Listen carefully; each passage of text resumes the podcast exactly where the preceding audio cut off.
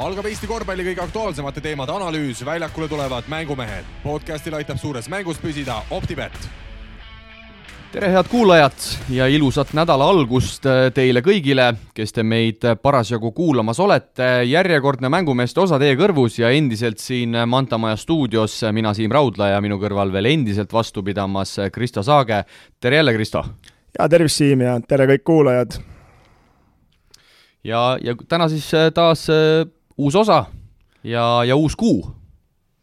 jah, uus kuu ja nagu näha on, eelmine nädal juba toimus meil siin korvpallilainel midagi ja nüüd uuel nädalal hakkab ka Eestikad hakkavad pihta, et äh, on, mida jälgida. ja mis me siin ikka pikalt kella panema, asume kohe ikkagi sisu ja asja juurde. tänases saates äh, Eesti-Läti liiga rubriigis vaatame, kuidas äh, avasid nädalavahetusel siis Läti klubid omavahel mängides Pahv-liiga hooaja, lisaks räägime ka Pahv superkarika mängudest ning analüüsime nädalavahetusel Eesti klubide osavõtul toimuvaid Eesti-Läti ühisliiga mänge, Terminal Oil Euroliiga jõujooned hooaja alguses ja esimese vooru mängud, Kalev Cramo kaks mängu sel nädalal VTB liigas, Kristjan Kitsingu mõtted Leedust, Nordeid ennustusrubriigi teine mänguvoor ja saate lõpus vastame Poolsi kuulajate küsimustele ja taas võimalik võita kuulsaali kinkekaarte, nii et äh, paneme minema.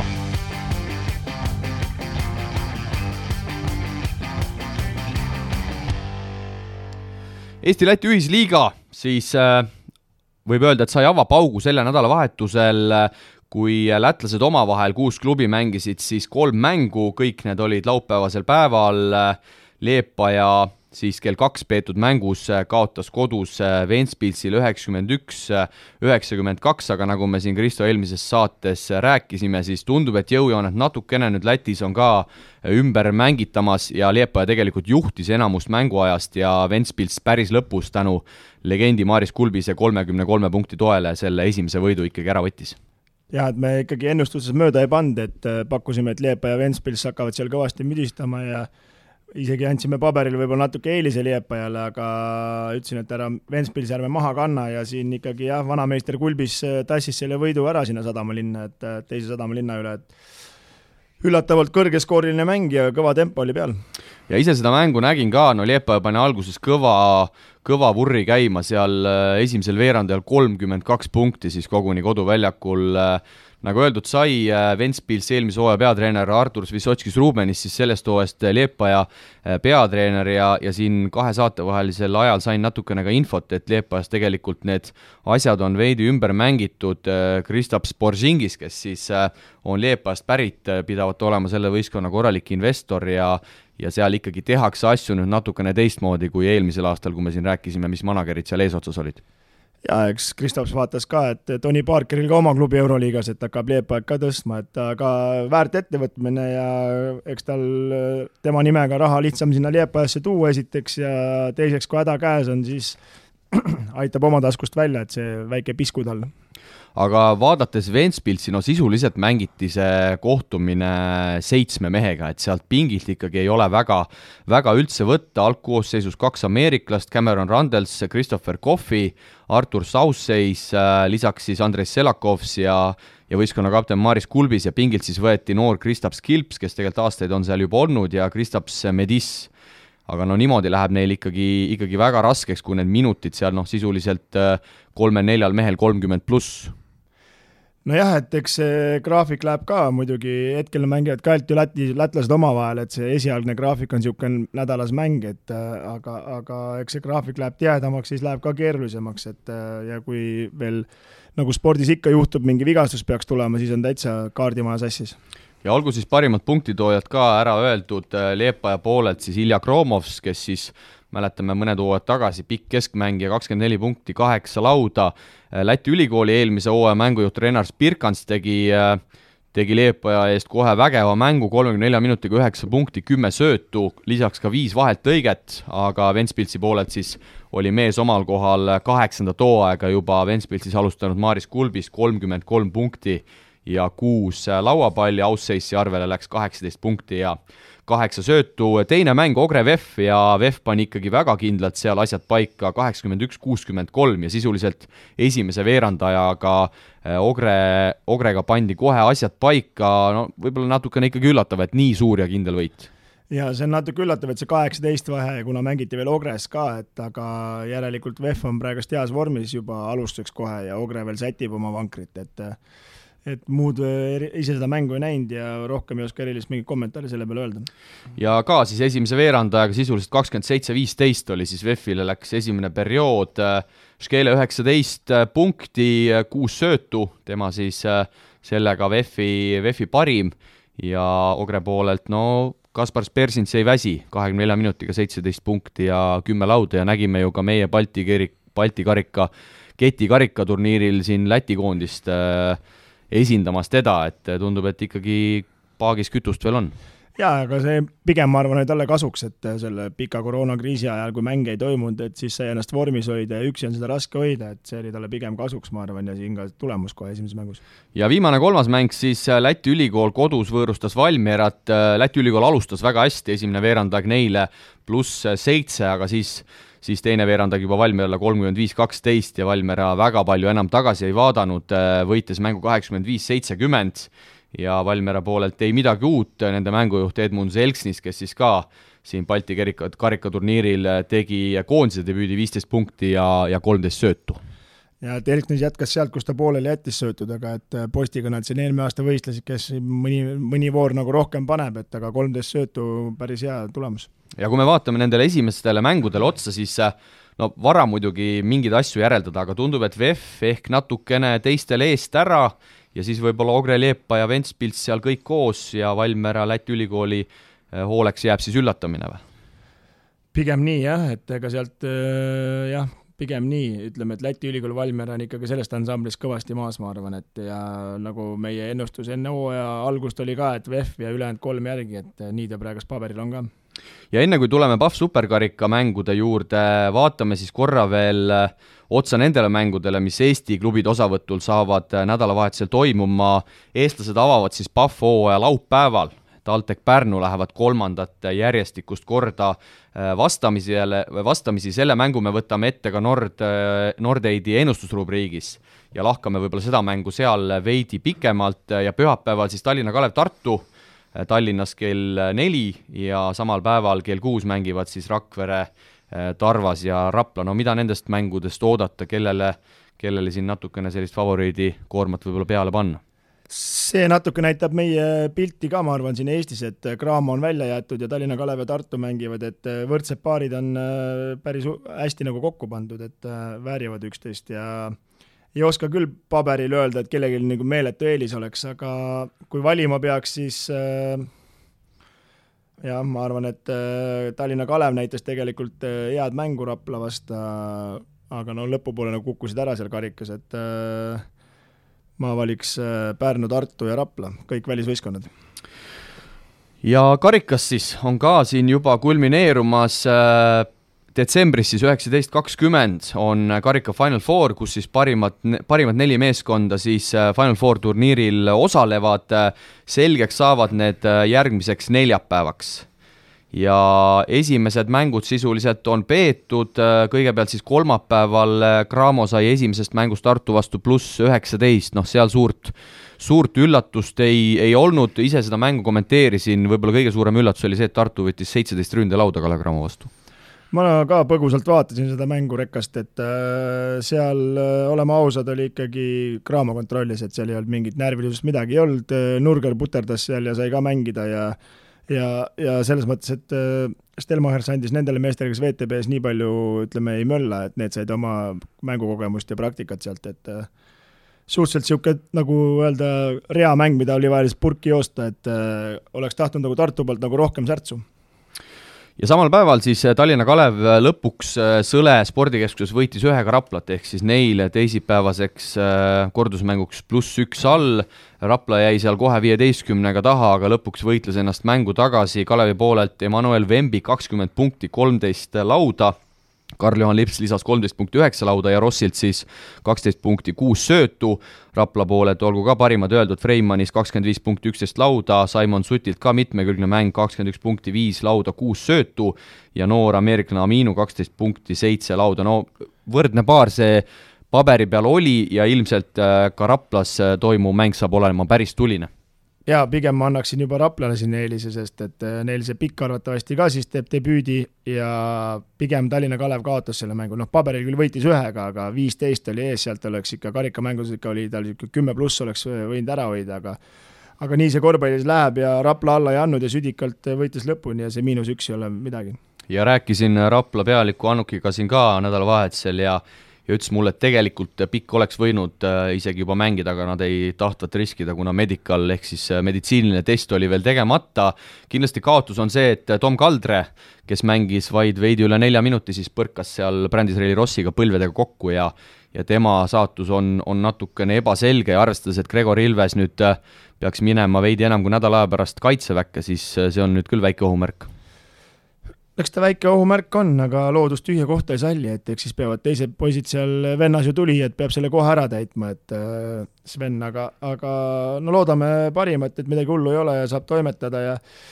aga jah, Rapla mäng siin äh, noh, nii palju pilti polnud, et nii palju kui laivist vaatasin ka vahepeal, et siis äh, ikkagi Freimanis seal tassis neid kogu aeg ja lõpuks kakskümmend viis punkti ja Sutt ka aitas lõpuks kaasa, et see järgi jõudis, et äh, selles mõttes Rapla ja Kalevi jaoks on kõik lahtine, jah ja reedel siis TalTech Pärnu, Pärnu äh, tasavägises mängus lõpuks sai siis pluss seitse endale ette tänu Liinart Jaunsempsi sisuliselt viimase sekundi kaugviset.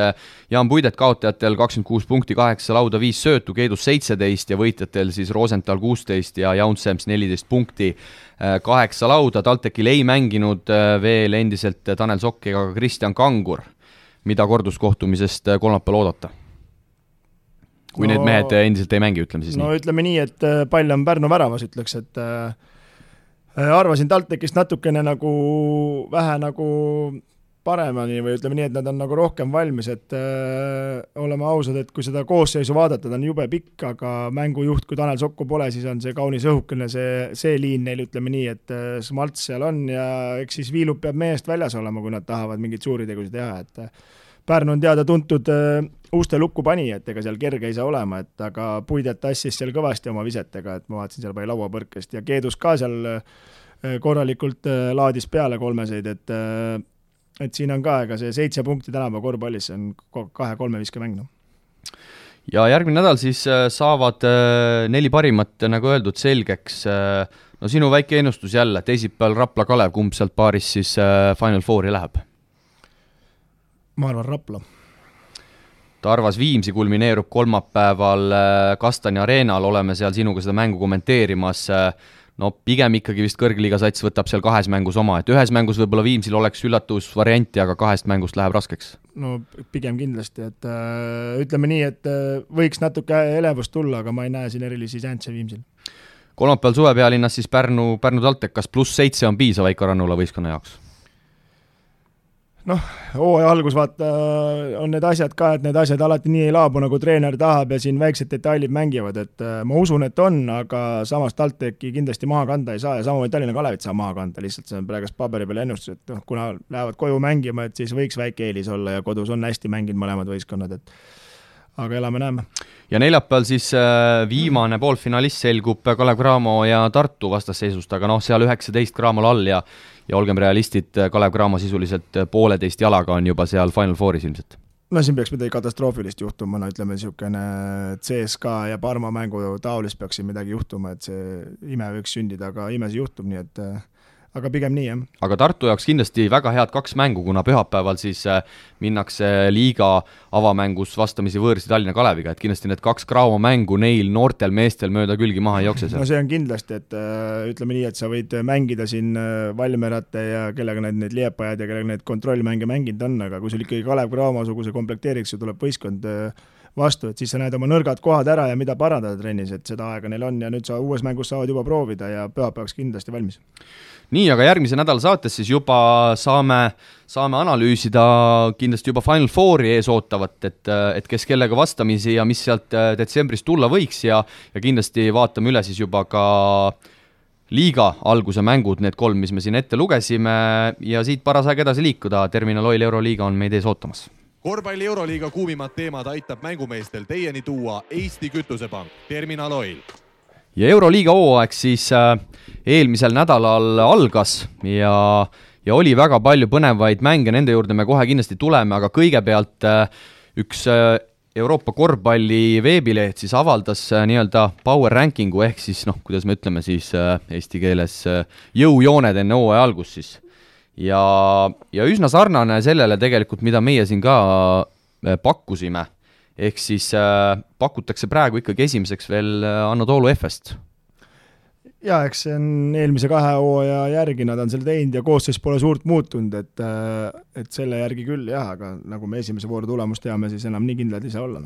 jaa, Shane Larkin siis äh, seniidi vastu ei mänginud äh, koduväljakul peetud mängus ja ja Anatoolu selle mängu kaotas kuuskümmend üheksa, seitsekümmend kolm, äh, Vassiljev Mitšits küll kõvasti seal vedas, seitseteist punkti, üheksa söötu ja üheksa söötu siis vooru parim söötude näitaja, Kronoslav Simon neliteist punkti ja seniidilt siis Kevin Pangos kakskümmend kolm punkti, seitse söötu ja Casey Rivers neliteist punkti. No ma ei tea, kui suur äh, ohumärk see nüüd Atamanil on, aga no Larkin on sisuliselt, no ei saa öelda pool võistkonda, aga ilma temata ikkagi neid nuppe on natukene vähem. No Mitsitsiga koos on kindlasti pool võistkonda, et kui need kahekesti taga vuravad, see on kõigil üliraske, et äh, võtad ühe kinni, siis teine ikka toimetab, et äh, need panid eelmisel aastal küll vähemalt vägevalt, et ega sel aastal uus hooaeg ja uued olukorrad, et aga aga natukene üllatav, et äh, see seniit, kellega Cramo nagu pusis siin, et äh, nüüd nii võttis võõral väljakul selle võidu ära. jaa, Pascualilt äh, kõva, kõva sooritus ja kindlasti kõva nii-öelda statement seniidilt siia avamängu, sest ah, me teame, et Anatoly on ju ka tegelikult olnud kodus väga hea, aga arvestame sellega, et publikut saalis ei ole ja see kindlasti mõndade meeskondade mängu selgelt mõjutab. tuleme Power Rankingu juurde tagasi, kaks kuni neli kõik koos, äh, Barcelona, CSKA ja Real pandud ühele, ühele pulgale, no Barca tegi oma ära, äh, CSKA siis äh, pidi ikkagi ka kaotusega leppima ja Real, no täitsa ütleme üllatav, kuuskümmend kolm punkti vaid Baskonia vastu. No väga üllatav ja väga kipsis, et natuke sai põgusalt seda mängu vaadatud ka ja meie oma poiss seal möllas ja ja ütleme nii, et Eesti-Läti liigas kaks meest, et ka lätlaste Kurut seal käis korra proovis, et äh, aga ma arvan, et esimese vooru kõige suuremad pettumused Real ja Milano, noh, üks sai küll võidu, aga, aga arvestades rosterit, siis eh, jube raske võit lisaajal alles. ja Real siis eh, poolajal kakskümmend üheksa punkti, no ma ütlen ausalt, ma ei ole sellist pulli ammu näinud, millal Real, kas Real eelmine hooaeg üldse alla seitsmekümne punkti mõnes mängus viskas, no võis juhtuda ilmselt, aga aga seal ikkagi äh, Duška Ivanovitši äh, satsi poolt, kus siis meie Sander Raieste ka mõlemal poolajal mängu alustas,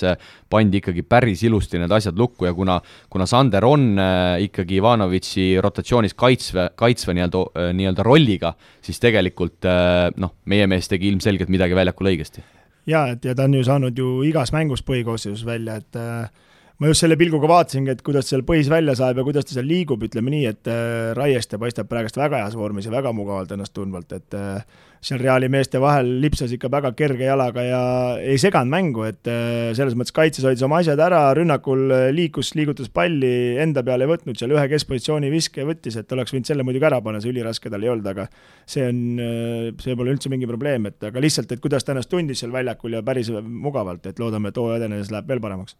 jaa, see on hea, et sa selle juurde tulid, mulle jäi ka see silma, et korralik atleet on ikkagi Raieste praegu, et tundub tõesti, et on suurepärases vormis ja ja hästi väljakul liikus ja, ja mis mulle on ka siin viimastel aastatel silma jäänud, et väga hästi loeb mängu kuidagi ja hindab neid olukordi nii kaitses kui rünnakul, et see mängu lugemise oskus noh, seda on, seda ei ole kerge õpetada, et see, kas sul emapiimaga on antud või ei ole, ja tundub, et meie mehel sellega on korras, ehk siis nüüd, kui tuleks natukene ka rünnakul enesekindlust juurde, siis ma usu, ma usun, et see roll võiks, võiks veel suuremaks minna, tuleme Barcelona ja CSKA mängu juurde. No ka seal oli huvitavaid momente, kolmanda veerandaja lõpus sisuliselt kolm minutit ei saanud kumbki meeskond korvi, et ma ei ole sellise kvaliteedi juures ka sellist asja päris ammu näinud mõeldes CSKA mängu peale siis eelmistel aastatel, et siis see oli nagu nende muster, et äh, nende suuremate ja tugevamate vastu nad püüdsid neid kaitsega lukku panna ja siis äh, oma hetkedel, mingitel õigetel hetkedel kiirusega ära kasutada ja nagu mingit edu saavutada, aga ei lasknud vastaseid jooksma. aga Partsa tuli sel korral mängule üldse niisuguse uue, hoopis uue taktikaga, mis polnud nagu nende nägu eelmiste aastastest, et seal oli ka kaitsele kõvasti rõhku pandud ja ja Sikevitsus seal ikka kõvasti möllas ja ja teda huvitas rohkem kaitse kui rünnak, noh, see tuli ka ladusalt järgi, et seal Mirotits muidugi mingitel hetkedel päris hästi teda leiti ja kasutati ära ka. ja ma tabasin seda mängu vaadates ennast mõttelt, et noh, Barcelona juba esimeses ametlikus Euroliiga mängus ikkagi näitas väga head kaitset, hoida CSKA kuuekümne kuue peal ei ole paha. Et kui see, kui see sats nüüd oma rünnaku ka tööle saab, no ma ütlen ausalt, ma, ma ei näe, et keegi seal väga kandadele astuks nojah, neil on see roster on ka, oleme ausad, äh, nad peavad kõik need nupud kokku saama, et äh, nagu ma ennem juba ka ütlesin, et äh, siin hooajaeelselt, et ega Salgerises ei olnud tal neid nuppe niisuguseid käes, nagu tal Partsas on, no seal on ikkagi eliit, ütleme nii, et et seal ikkagi, kui nüüd Mark Gasol ka käivad jutud, et veel liigub sinna, et siis no püha müristus, ma ütlen, tead, et kuidas see, kui Jaska need mängima paneb ja siin üks intervjuu oli, kus äh, mitte intervjuu, vaid õigemini mingi videoklipp, kus äh, seal Hispaania liiga mängus mingi mees hakkas ette kujutama, ütles, et see on uus Barcelona ja kui nii ei tee, nagu mina ütlen, siis uks on seal, noh, et seal on asjad paigas, noh. jaa, see oli, see oli tõesti pull hetk jälle äh,, Jassikevitšuse klassika, et see ei ole eelmise aasta Barcelona, kus te mängisite isekat korvpalli, et see on uus Barcelona ja see on, ja kes ei soovi, siis istub pingil. Äh,. No aga siin tegelikult äh, jõujooned võivad kiirelt ümber mängida, üleeile tuli uudis, Jassikevitšus ja abitreener Maskaljunas koroonapositiivsed Hispaania liiga mäng, järgmine nädal kohe Euroliiga, no ma ei usu, et need mehed saavad juhendada, see ei ole ju reaalne no seda jaa, aga see on ju nädal-kaks, no oleme ausad, ega see koroona ei ole siin surmatõbi meil, et äh, noh, mingil, mingil inimestel on ja sellesse ei saa üleolevalt suhtuda, aga, aga, aga neid äh, kellelegi jääb külge, põeme läbi, elame edasi, et mõnel läheb muidugi kehvemini ka ja loodame sellest, et ei lähe nii, aga, aga, aga kindlasti Jassikevitsus on nädal-kaks väljas, teeb oma testid ära, no maksimum kolm nädalat, ma arvan, kuu aega on ta tagasi, noh. et äh, muidugi raske hetk tuleb selles mõttes äh, Barcelona, kui ta juhendada ei saa, aga küll seal on IT-aja, ajastu ja küll nad trennides teevad täpselt nii, nagu vaja on ja, ja korra veel jääme selle mängu juurde, üks huvitav asi veel, mis mulle kindlasti silma hakkas, lisaks sellele, et Barca hoidis CSKA kuuekümne kuue punkti peal, no see, kuidas Mike James kinni võeti ja, ja see, kuidas see mees vastu seina seal kogu aeg jooksis ja tegi mingeid täiesti jabursi seal väljakul, neli söötu, kuus palli kaotust, et et see näitab ka, et seal selle mehe jaoks oli selgelt mänguplaan kaitses välja mõeldud ja see toimis tegelikult ju ideaalselt. Jah, et ta ikkagi jah, mõned sähvatused tegi, aga see ei olnud, üldiselt oli ikkagi väga hädas ja ja see halvas kohe, CSKA mängu ka nii palju, nad on harjunud, et see mees toimetab, et äh, ütleme nii, et ega ta need neli-viis korda võttis üle käe väga raskeid kolmesed, et kui sealt kukub üks või kaks sisse, et see nagu mängu ei muuda, et aga äh, vägevalt olid selle plaani paika pannud ja mis nagu pani Partsa juures eriti tähele, et nad on nii pikad, nad, Klaver, Abrines, need kõik liiguvad nii hästi kaitses, et see neil toimis hästi, jah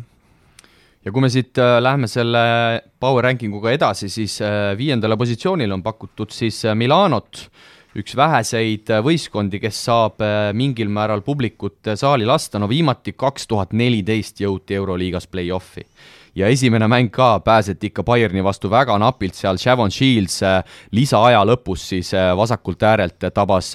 kaugviske ja Bayern oma viimasel rünnakul enam korvi ei, ei saanud äh, kindlasti Bayerniga, nagu me siin rääkisime, Euroliigas ei ole kuskil saalis äh, kerge võitu, võitu noppida, aga aga vaadates seda väga head hooajaeelset, äh, hooajaeelsete mängude rida, mis Milano näitas, siis äh, võib-olla mingil määral ikkagi üllatav, et, et seal niivõrd raskustes oldi seda kindlasti, et see on üllatus, aga jõuame jällegi selle tõdemuse juurde, et Euroliigas võõral väljakul kerge seda võitu kätte võtta ei ole, esiteks, ära võtta ei ole, esiteks, on ju, aga teiseks natukene, vaatasin seda mängu ka natukene poole silmaga ja ja jäi niisugune mulje nagu, et Milano tuli, et me võidame nagunii. täpselt nagu Zeniit ja Cramo ja Cramo lõpuks või-, saigi kotti, on ju, Zeniit võitis, on ju, et niisugune natuke üleolev suhtumine oli, et mingitel hetkedel Delaney muidugi seal ka korraldas päris hästi, aga aga jah, Kyle Hines ja Peteleni vedas ikka välja selle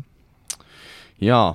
oli ka see mäng, mida vaadata, number kuus siis asjatundjate arvet, arvates Tel Aviv Maccabi ja nendel siis tegelikult sama jutt viimati kaks tuhat viisteist aastal play-off'is, no ilmselt kui nüüd eelmisel hooajal oleks play-off toimunud, nad oleksid seal olnud, eks neil läks Svairopouluse käe all väga hästi,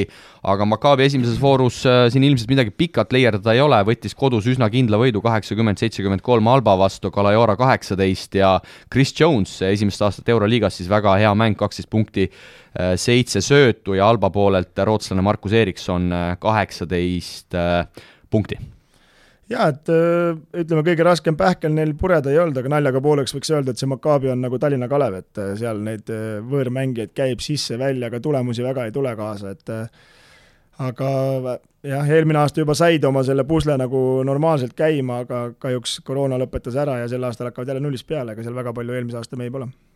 ja seitsmendal ja kaheksandal positsioonil on siis asetatud äh, võrdselt Istanbuli Fenerbahce ja Moskva, Moskva Himki. Ja Himki on ka siis võistkond, äh, kordame üle, kes saab publikut äh, saali lasta, no Fenerbahce Kokoškovi käe all võttis väga kindla võidu, Sverna Zvestole seitsekümmend seitse, kuuskümmend kolm, Edgar Azulanovas võib-olla selline tähelepanuväärsem liituja, kahekümne kahe minutiga kolmteist punkti, Dekolo kaksteist punkti, seitse söötu ilmselt Zvezda ei ole veel äh, see näitaja, mis, mis nüüd seda Fenerbahce hetketaset tegelikult täielikult näitaks. Äh, seda kindlasti, aga suhteliselt kindel võit ikkagi neljateistpunktiline Euroliigas, et see ei ole ka tavaline, et aga mängisid, ei näinud seda mängu kahjuks, aga Ulanovas kolmteist punkti täitsa ilusti rotatsioonis. Ja Imki, no Imkil on raske, Imkil ei ole endiselt ei Stefan Jovitšit, kes on vigastatud, McCollum siis ei ole veel registreeritud ja Šved kes oli tegelikult fifty-fifty selleks Panathinaikose mänguks, lõpuks ikkagi ei mänginud ja Imki kaotab kodus selle mängu kahe punktiga ja kaotab selle tegelikult Panathinaikosele, kes noh, sel hooajal ilmselgelt pigem ei ole play-off'i sats, ehk siis Imki annab esimese ikkagi valusalt kodus juba ära. Jaa, väga valusalt andis ära ja pigem jah, Panathinaikos on seal kaksteist ja allapoole, ma arvan, et aga väga valus kaotus, aga no mis sa teed, ega mängujuht on ikka väga tähtis ja kui sul on kaks tükki puhast mängujuhti väljas, pluss siis veel Swed, kes seda asendada saab, et siis ongi keeruline, et isegi hästi püsis mängus ja ei olnud õnne ka lõpus, et lätlane Bertans pani veel nurgast mingi hullu, aga ei tabanud. jaa, seal viimasel, viimases kaitses Panathinaikose mees mängis suurepäraselt Bertansi vastu ja tegi selle viske ikkagi maksimaalseks, maksimaalselt raskeks ja vanapooled siis peamiselt vedasid äh, Kreeka mehed, Papa Petro kuusteist punkti kaheksa lauda ja Mitoglult kaksteist punkti ja üheksa lauda sinna takkaotsa, aga vaatame, kes siis on asetatud äh, play-off'i joone alla, üheksandalt kohalt leiame olümpiaakose ja no võib-olla esimese vooru taustal võib-olla need eksperdid äh, lükkaks ta veel sinna allapoole, sest et no kodus Žalgiriselt äh, niimoodi magedalt neljas veerand aeg maha mängida, üheksa punkti vaid äh, ja Žalgiris, olgugi et on uus peatreener, aga mentaliteet tundub, et on täpselt sama, et võideldakse lõpuni, olgugi et oldi tegelikult ju juba üsna suures kaotusseisus, aga Leedu poisid imesid välja ja pean siis silmas eelkõige Marius Grigonist ja Rokas Jokupaitist ja ütleme nii, et ema piimaga on see seal nagu Salgeris kaasa antud, et alla anda ei tohi, ükskõik mis seis on, et põhimõtteliselt nagu tablood nad ei vaata, et muudkui ka panevad ja kui vile käib ära, siis vaatavad, mis seis jäi, et, et põnevalt ikkagi Okupaitis lõpus kalastas vanameistri ära meil ja, ja sealt tulid vabavisked ja oligi korras viieteistkümne minutiga siis Jokubaitis kaksteist punkti, no väga küpset mängu ja me siin tegelikult ju sinuga ka analüüsisime, et nüüd, kui Jassikevitsust ei ole, kes teda tegelikult on soosinud, et seal on Valkop ja Lekevitšu sees, siis ju, lükkas meie jutud ikkagi täielikult ümber, et et tundub, et tahab tulla jõuliselt sel hooajal pildile. Jaa, eks ta uus treener, uus hingamine, et kohe alguses saad näidata ja esimene mäng näitas väga hästi, et siit ainult edasi ja aga Salgerist ei tasu maha kanda, et vaadates seda mängu ka ja, ja ütleme nii, et seal sisu on, seal sisu on ja seda nad ka näitasid, kui esimene mäng, et äh, ei ole see roster nii kehvake midagi Euroliiga jaoks. ja kümnendale, üheteistkümnendale positsioonile on siis asetatud võrdselt Peterburi Zenit ja Valencia, no Valencia on neli korda Eurocupi võitnud siin alates kaks tuhat kolm aasta nüüd on äh, viimane aeg hakata Euroliigas tegusid tegema, üsna raske võit neljapäeval kodus Asvelli üle kuuskümmend viis, kuuskümmend kolm, Derek Williams äh, viisteist punkti, aga no vaadates nüüd seda esimest vooru, no mina Valencia nii või naa asetaks kaheksa hulka, see, seda ma pakkusin juba, juba eelmisel nädalal, seniit nüüd ka esimese mänguga andis äh, selge signaali, mis sa arvad?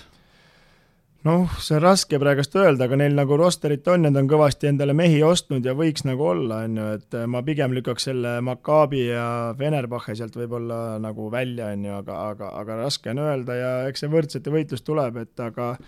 ega seda Asveli ka ei saa maha nagu ütleme nii kanda, et need mängivad niisugust jõulist korvpalli, aga skoor ka näitab kuuskümmend viis, kuuskümmend kolm, et Valencia on ju meil ikkagi ju Hispaania võistkond ja seal on ikka väga kiiret mängu harrastatakse, aga uksed olid kaunis lukus neil siis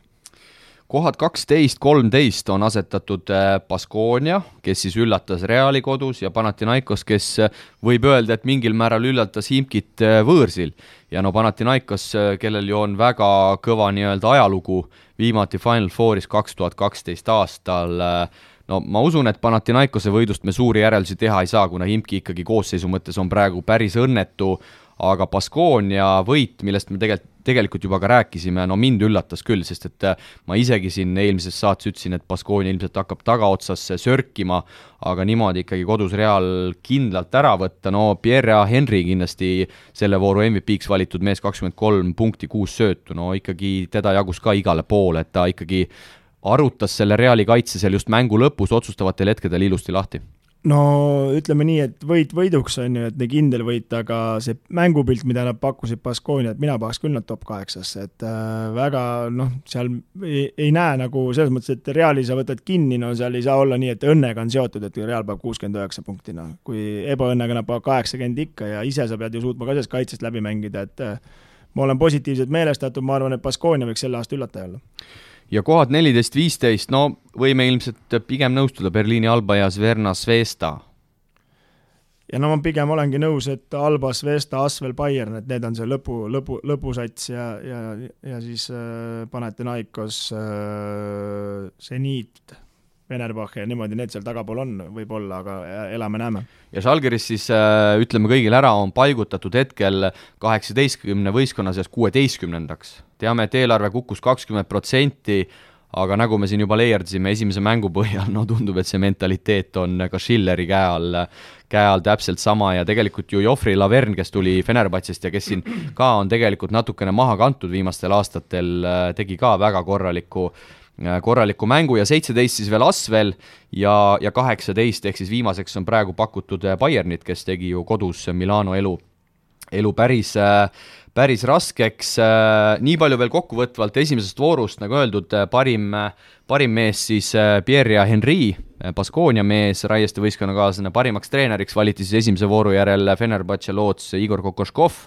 parimaks nooreks Jokubaitis, nagu öeldud, viieteistkümne minutiga kaksteist punkti ja vooru viisikusse lisaks Henrile äh, Kevin Pangos, Papa Petro, Maccabi Angelo Calajaro ja Barcelona Brandon äh, Davies. ma panen sulle, Kristo, siia äh, Terminal Oil Euroliiga rubriigi lõppu ka väikse, väikse trivia, väikse viktoriini. siin kõikide meeskondade kaptenid siis vastasid hooaja eel küsimustele ja vaatame, kas sa siis äh, oled sama teadlik kui, äh, kui Kail Hansid ja kõik need äh, mehed, kes seal neid kapteni, kapteni paelu kannavad, kuigi tegelikult vist Kail Hans ei tohiks olla Milano kapten, ma usun, et see on Andrea Cinciarini endiselt, aga, aga see selge, selleks neli küsimust ja vaatame siis, kas saad pihta number üks, kõige näljasemalt hooajale vastu tulev mängija nende kaheksateistkümne kapteni hinnangul siis kes võiks olla kõige näljasem enne seda Euroliiga hooaega, tõestamaks midagi siis kas endale, teistele või, või ma ei tea, kellele. Slaukas äh, juba mööda, juba mööda, Will Clyburn kakskümmend seitse koma kaheksa protsenti, ilmselt on siin ka põhjus sellest, et mees tuleb raskest põlvevigastusest äh, tagasi ja, ja Clyburn siis on pandud esimeseks ja Larkin on teine, kakskümmend kaks koma kaks protsenti. aga su pakkumine ei olnud halb, ma arvan, et Lukasel ka nüüd eriti pärast seda esimest mängu on omajagu tõestamist. Okei okay,, nojah, ega ma seda asja niimoodi päris ei jaga ka, nagu need Euroliiga kaptenid, mina ikkagi raekossu mees, et aga no ma ei tea, mida sellel, sellel Larkinil veel tõestada on, et see pani eelmine aasta kõik asjad, et tundub, et need kaptenid väga niisama seal moe pärast, et need seda kossu värki ei jaga. nii, number kaks küsimus, kelle vastu mängimine on kõige suurem väljakutse? no sinu jaoks, kelle vastu oleks seal kõige suurem väljakutse mängimine? no ilmselt mitte kellegi, aga ma arvan, et see vastus on Jassikevitsus ei, ikkagi siin on peetud silmas mängijaid, et paku mõni mängija. ma pakun siis sinu poissi, Mirotic. Jälle mööda, Shane Larkin kolmkümmend kolm koma kolm protsenti ja number kaks eh, Mike James kuusteist koma seitse protsenti. Hmm, okei, pikad on nagu ikkagi torud, jah? no nagu sa tead. nagu Kalev Cramost näha on, neid pole võtta kuskilt, et nendega ei arvestata ainult tagumised. Eh, number kolm, selle suve kõige väärtuslikum üleminek siis antud klubi jaoks. kas saan silmad pähe või? no proovime kõige väärtuslikum, nagu mängija, kes tuli, jah? no nii-öelda, et see võistkond sai kõige parema, parema kauba nii-öelda, et, et väga, väga hea mees -hmm. ütleme siis nii. No mul on kaks valikut, äkki läheb üks pihta, no ma arvan, et äh, et see sai päris hea kauba Galatase näol, eks. aga ma ei tea, kas see nagu kohe täppi läheb, et ta on tegelikult ka ikkagi suht vana, vanem mees, ikka need vennad, aga ma pakun Galatase Äh, mööda. Äh, Tornike Schengelia nelikümmend neli koma neli protsenti, Miljotino kakskümmend kaks koma kaks, ehk siis kaptenite hinnangul äh, CSKA tõmbas ikkagi kaks, kaks väga kõva jokkerit, aga muide siia kõrvale veel kiirelt Miljutino, Strelniak ja Antonov CSKA poolelt siis ka koroonapositiivsed. et no ma ei tea, ühel hetkel niimoodi minnes ju kogu see, kogu see Euroliiga on koroonane. päris huvitav on selle juures see siin kõrvale põigates, et Milutinovit ja Strelneksi kumbagi polnud kaasas Barcelonas. jah, Milutinov siis ütleme ära, oli haige ja Strelneksil siis väike vigastus. et kas see võib olla peidetud vigastus ja peidetud haigus, et see tekitab küsimust, et neid ei võetud kaasa või aga samas Antonov oli kaasas, oli pingil, ei mänginud küll sekundit, aga, aga oli, oli võistkonna pingil. ja vaadates seda mängu, siis peatreenerid kallistasid omavahel, et ähm, ei tea, kus see küll siis levis, et äh, võib-olla oleks võinud ikkagi jätta tegemata, et Kalev Kruus kommenteeris seal mängu ajal, et koroonas pole haisugi ja mehed kallistavad omavahel ja pärast niisugune uudis siis kolmest null sul on, aga ma usun, et viima, vi, viimasega sa saad, ma võtsin proovime. sellise küsimuse sealt, et, et sa ikkagi päris häbisse ei jääks, millise treeneri vastu mängimist enim ootad, aga sa pead protsendi ka täppi pakkuma? kas see on Jassikevitš? see on Jassikevitš. ja ma pakun, et see on kuuskümmend kaheksa koma üheksakümmend neli no natukene ülehindad äh, leedukat, viiskümmend viis koma kuus, aga punkti said kirja, nii et äh,, nii et enam-vähem neljast üks äh,. neljast üks, aga, aga parem kui kolmest teeb Rasmul tavaliselt aga tõmbame selle Euroliiga rubriigi nüüd lukku sellega, et vaatame vaatame järgmise nädala poole ka, neljapäev-reede taas siis kaks vooru, meile kõige huvipakkuvam mäng ilmselt reedel Zvezda Zvezda Baskonia. no Baskonia alustas hästi ja nüüd Zvezda vastu võõrsil, kellel ei ole seda Serbia publikut seal taga, Zvezda siis Äh, peab mängima ilma publikuta siin hooaja alguses vähemalt, no suurepärane võimalus Raiestel ja kompaniil kahest kaks tuua sealt. äh, suurepärane võimalus, kahest kaks, aga ma tooksin samas Imki Salgeris ka väga, väga huvitav mäng meie jaoks äh, ikkagi. ja Salgerisel ka, ma korra sind segan, tegelikult ju samamoodi, kui nüüd Imkil need kolm mängujuhti ei mängi, siis ju väga hea võimalus taaskord. ja tabelisse kaks võitu võõral väljakul saada, kui alustuseks oleks nagu super iseenesest, et äh, aga jah, hetkel, kui me ikkagi vaatame läbi oma prillide, siis tahame Eesti poiste tegemisi näha ja siis tahaks loota, et Baskonia ja Raieste saab silmad pähe aga siin voorus on üldse tegelikult väga kõvasid mänge, Türgi derbi, Anatoolu Fenerbahce, reedel on, on võib-olla et Euroopa kõige kõvem derbi, Panathinaikos olümpiaakas, no muidugi tühjade tribüünide ees, ma ei tea, kas see derbi mõõtu äh, välja annab, aga tõesti, vägev voor on ees ootamas ja ma vaatan siit veel Alba Bayern ka, Saksa derbi, nii et äh, läheb andmiseks.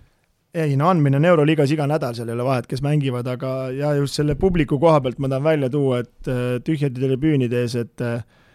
et see, ma arvan, ma arvan, mõndadel mängijatel on niisugused isiksused, nad tahavad rahva ees mängida ja nad ongi nagu Andres Sõber ka öelda, et te olete nagu näitlejad, et te peate head etendust näitama, et äh, tühjade tribüünide ees pole kellelgi näidata kahjuks jaa, aga siit siis äh, läks päris pikale, aga ma usun, et äh, Euroliiga osas tegelikult on ka juttu, sest et neid mänge näidatakse ja, ja inimesi ikkagi see see kogu see krempel äh, huvitab, järgmisel nädalal siis juba analüüsime järgmise vooru mänge, aga nüüd äh, tuleme järgmise rubriigi juurde, siis välismaal pallivad Eesti korvpallurid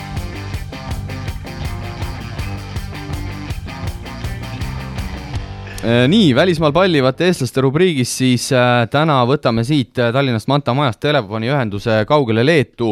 Vilniusesse, kus siis äh, Kristjan Kitsing on sel hooajal Vilniuse Lietuvas Riitast esindanud. reedel mängiti siis järjekordne Leedu liiga mäng, võõral väljakul liitus Džukia vastu, võeti võit üheksakümmend, kaheksakümmend, Kitsingu arvele kahekümne kolme minutiga kaheksa punkti, kolm lauda ja Riitase parim siis Andrew Koudelok kahekümne ühe punktiga ja, ja Kristjan peaks olema meil liinil, no laabas Kristjanas Kitsingas? no laabas. Ja tervist, tervist, Kristjan! kuidas, räägi, kuidas sul läheb, alustame võib-olla sellest äh,, algus on olnud hea, neljast, neljast neli, tunned sa ennast seal Leedus juba, juba koduselt või ikkagi leedukad nokivad eestlaste kallal endiselt?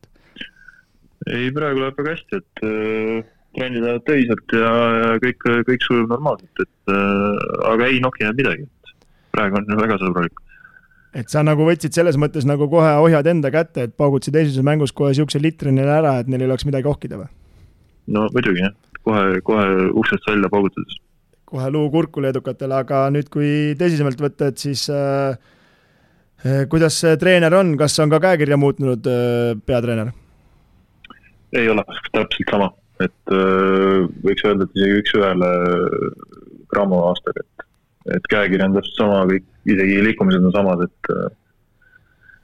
et ei ole midagi muutunud. pidid lihtsalt äh, oma mälus hoopis need üles leidma, jah?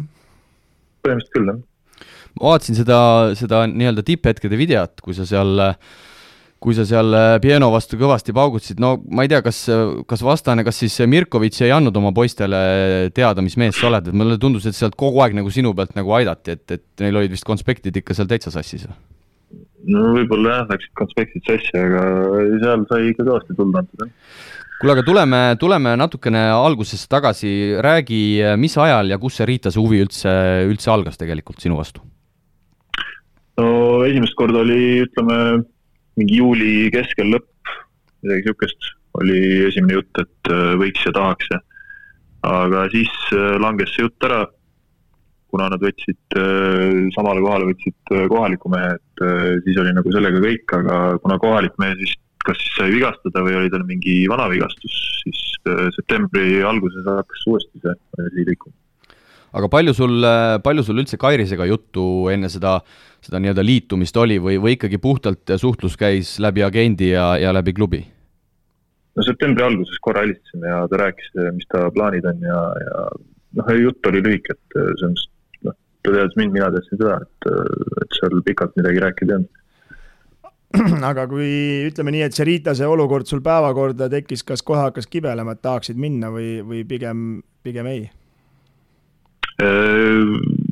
Ütleme, kerge ettevaatlikkus oli, et arvestades seda suvist värki, et äh, siis oli ka, et jah, tore ja teeme, aga aga kergelt olin ettevaatlik, aga muidugi ma tahtsin minna kohe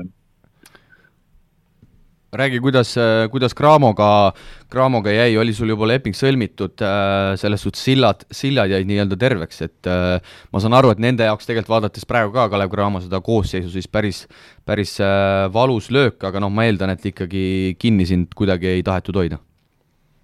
Selles mõttes küll Cramo jaoks oli kindlasti valus, aga, aga meil oli selles mõttes kokku lepitud väljaostuklauslid ja värgid, et selles mõttes ma usun ja loodan, et sillad on ikka, ikka terved. nii et äh, Cramo nagu isegi mingil määral siis tänu sinule rikastus leedukate, leedukate näol? no mingil määral kindlasti, jah. kas seal lepingus oli sul kirjas ka Cramo omas, et kui üks Kristjan ei tule, siis teine ka ei jätka või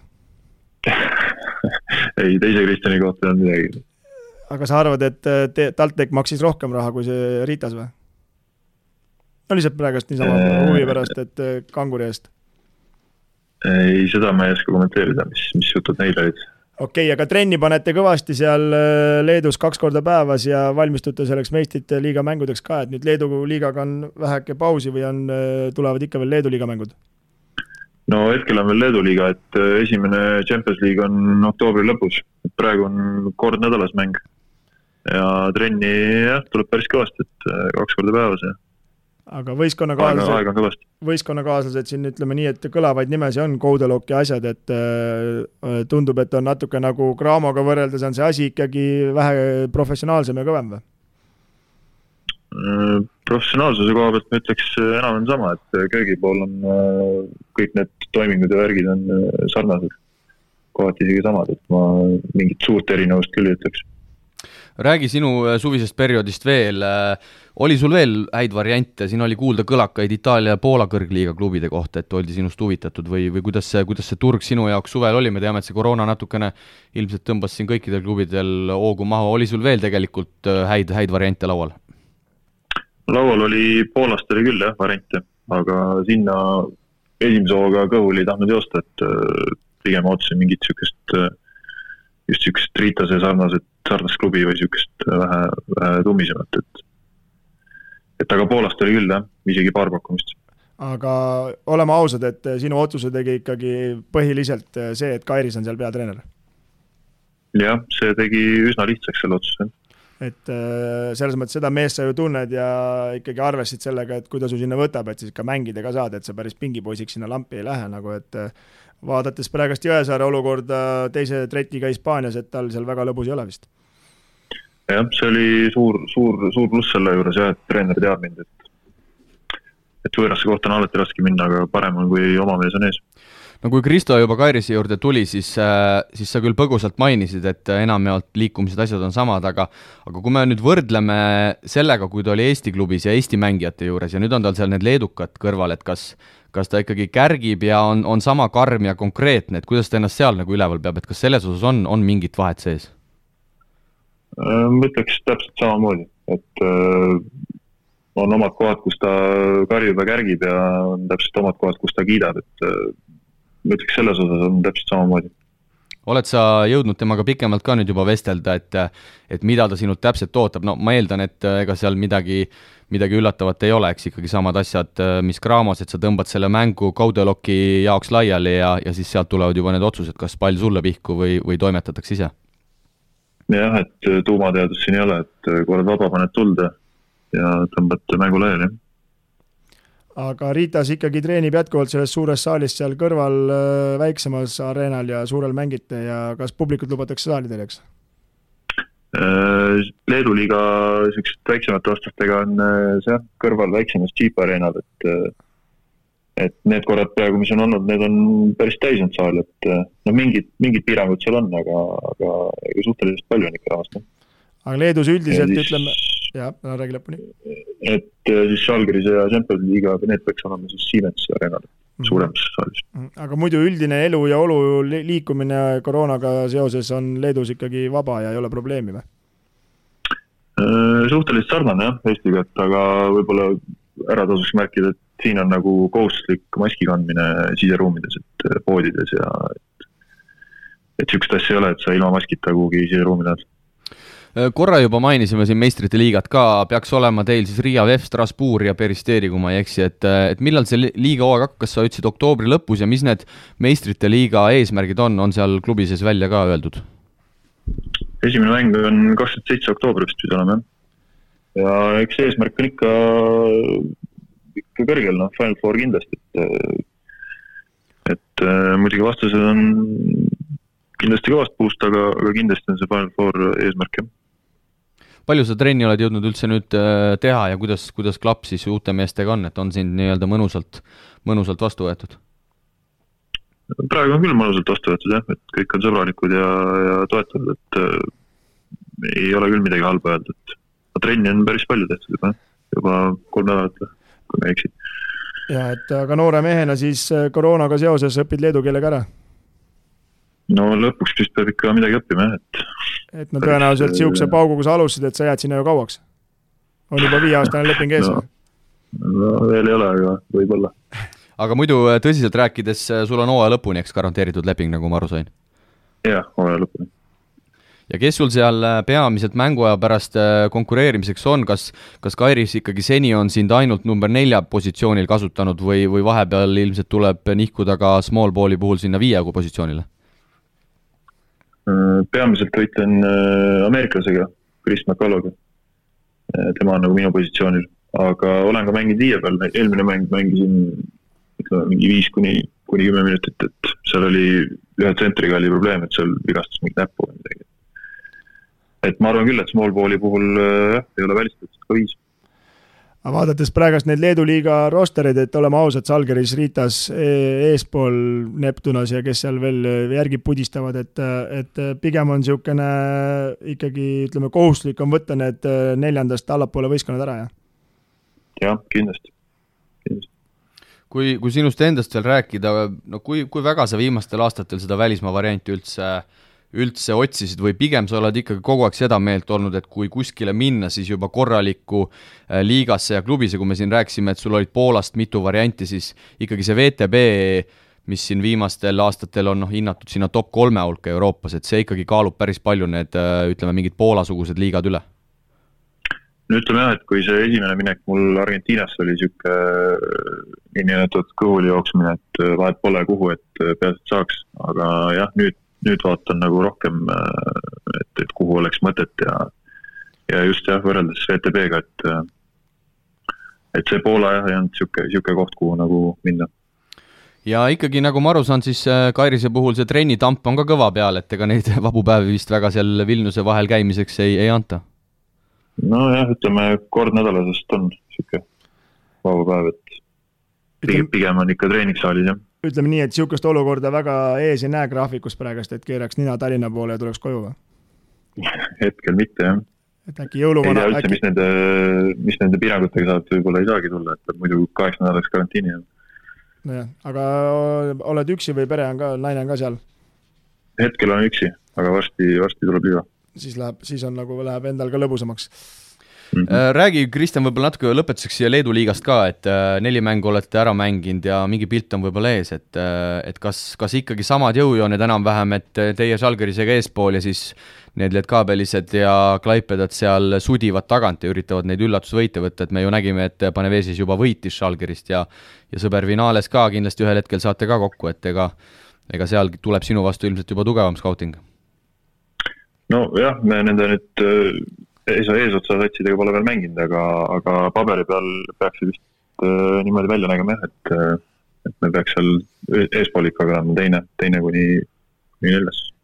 Aga ütleme nii, et üldine tase sinu jaoks on ju, Leedu liiga on ikkagi tunduvalt keerulisem kui siin Eesti liiga ja ütleme, et VTB ja Eesti liiga segu, et kas see Leedu liiga on nagu äh, on nagu tummisem kõvasti igapäevaselt, et pead nagu rohkem keskenduma kõikidele mängudele, no esialgu kindlasti, aga ma mõtlen, ülejala seal vist midagi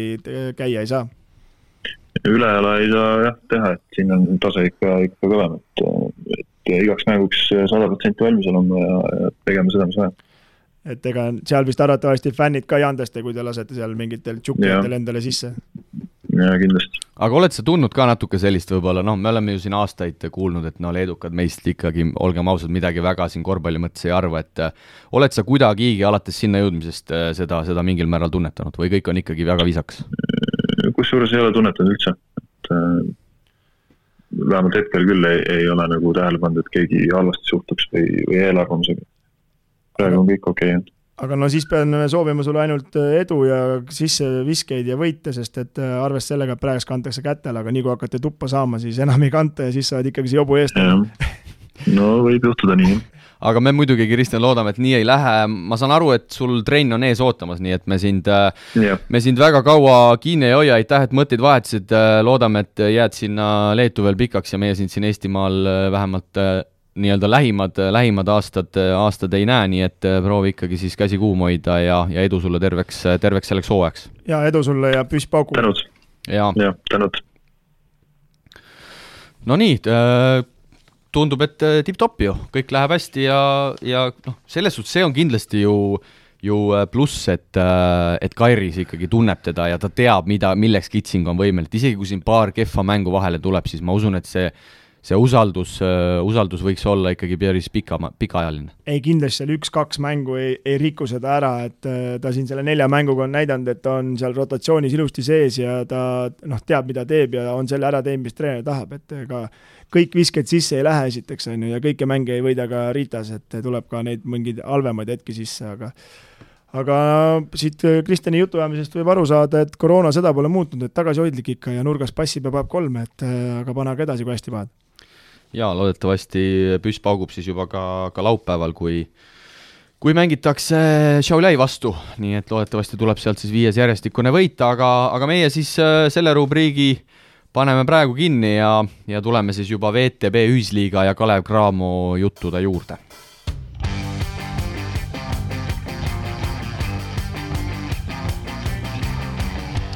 WC Kalev Cramol sel nädalal VTB liigas koguni, äh, koguni kaks mängu. täna mängitakse siis õhtul Moskvas kohaliku Himkiga kell kaheksa ja pühapäeval äh, Krasnodaris äh, kohaliku Lokomotiv Kubaniga kell neli.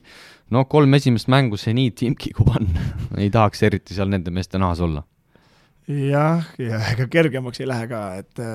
no ütleme nii, et võib-olla pole paha variant, et hooaja algus äh, hakkad kohe siin Smoki ja Autodooride ja Parmadega ja Smo-, noh, Parma on praegu väga hästi mänginud, Niisi Novgorodid ja nendega mängima, sealt si-, tuppa saada, et siis on nagu ka paha tuju, et praegust tugevate vastu sättida, et noh, sama olukord nagu Kalev Cramo ja Tartu Rock, ütleme nii, et mängisid karikas, et eh, Tartu sai head mängud sealt ja saab sealt õppida järgmiste vastaste jaoks, et ma arvan, pigem Cramol on sama olukord praegust ja Kalev Cramo siis peab veel kõvasti ootama, enne kui koduväljakul mängima saab hakata, valitsus küll otsuse langetas, aga esimene kodumäng peaks olema siis üheksandal novembril alles, pärast Kubani tulevad veel võõrsil Avtodor ja Krasnojarski Jenissei ja siis Cramol kolm kodumängu järjest, Astana, Smoki ja eh, Zeljona Koraga. eile siis asuti, eh, asuti Peterburi poole teele õhtul kohal, sealt äh, sealt siis juba Moskvasse ja, ja kõik need muud jutud, nii palju infoks, et Martin Torbek, kes siis, kellel on oodata lähiajal perelisa, tema kaasa ei läinud ja noor mees siis oma Nordi süsteemist, Julius Kastein, võeti kaasa, sest et nagu me teame, VTB-s peab olema kuus eestlast üles antud, oli siin vahepeal ka kõlakaid, et Indrek Reinbok võib-olla siin teeb debüüdi ja ja tõmbab äh, vormi selga, aga noh, kui siin juba Valdo Lipsu tegelikult ju taheti, siis miks mitte Reinukas ei võiks ka mingil hetkel vormi selga panna? No ma arvan, et nad tahavad ikkagi VTB-s jätta, et nad on tõsiseltvõetav, Cramo on nagu tõsiseltvõetav korvpallivõistkond, et kui Reinukas särgi selga paneb, siis võib-olla noh, tundub veits imelik, kui üks mees seal kaheteist vahe jookseb, niisugune natuke nagu ära eksinud jõuluvanakene, et aga ei, äh, Julius Kasten ei oska midagi öelda, Margus Kasten ta ise arvatavasti, et äh, tema vanasti andis meil Tartusse raha, et me saaksime kossu teha, et äh, aga imki mäng, ei tahaks öelda, et võimalust ei ole, kui neil need probleemid seal imkis on, et tagumisi pole, et loodame, et Cramol ikkagi seal, no raske on, nii imki kui pann, aga järgmisest kahest mängust Avtotor ja Nižni Novgorod kindlasti on võitu vaja et äh, ma arvan, et mingid šansid ikka on. jaa, ma usun ka, et äh, arvestades, et reedel Imki mängib ju kodus juba Žalgirisega ja no see on selline noh, ei saa öelda päris elu ja surma peale mäng, aga nagu me siin Euroliiga rubriigis rääkisime, siis Imki ikkagi kaks kodukaotust järjest nüüd Euroliigas äh, oleks päris valus ja, ja noh, VTB-s neil puhvrit on, kuigi neil on sealt ka ju kaks litakat juba all, eks, aga aga, aga mine sa tea, ja pärast seda siis äh, tullakse koju Äh, jälle hotelli, testid, no seekord lubati vist Synlabist kiiremini, seal ju pärast seniidi mängu istuti seal teisipäeva lõunani ja kolmapäeval juba pandi Tartuga, eks, et nüüd tullakse tagasi ilmselt siis jõuavad teisipäeval,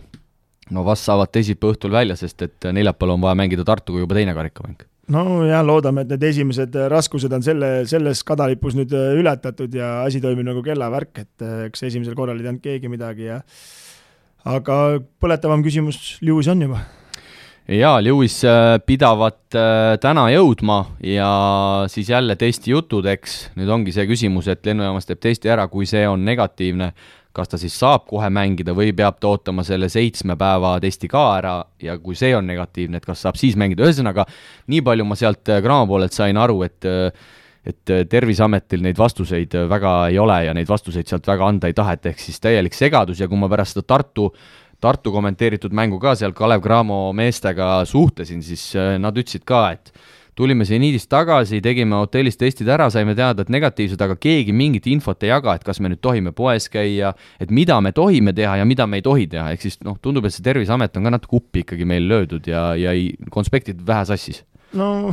ütleme nii, et äh, sellega on äh, nagu ikka, et sa oled nii väike mutter, et tegeleme suurte asjadega, aga, aga, aga Kalev Cramo jaoks äh, jälle väärtuslikud treeningtunnid ja lihtsalt passimine, asjad, et et sa võid ju helistada, küsida, igaüks ütleb jaa, kohe helistame tagasi, aga tunnid lähevad ja päevad ka veel lõppu takkaotsa, et loodame, et on selle kadalipigu nüüd ikkagi ületanud ja järgmine nädal siis ju pühapäeval äh, jälle läbi Peterburi. Minnakse Krasnodari, ehk siis bussiga Peterburi, Moskvasse, ei vabandust, Peterburist pidavat otselend minema Krasnodari, aga pidavat olema nii kehvad lennud, et kuna mäng on pühapäeval kell neli, ehk siis on variant, kas, äh, kas minnakse varahommikul või minnakse eelmise päeva varaõhtul, ehk siis mõlema variandiga trenni sisuliselt nagu teha ei saa, no okei okay,, kui lähed õhtul, jõuad õhtul hilja kohale, aga kui mäng on kell neli, eks noh, siis hommikust trenni sa tead isegi, kas, kas seda teha või mitte, no pigem sellisel olukorras tuleb igal juhul teha, ma eeldan.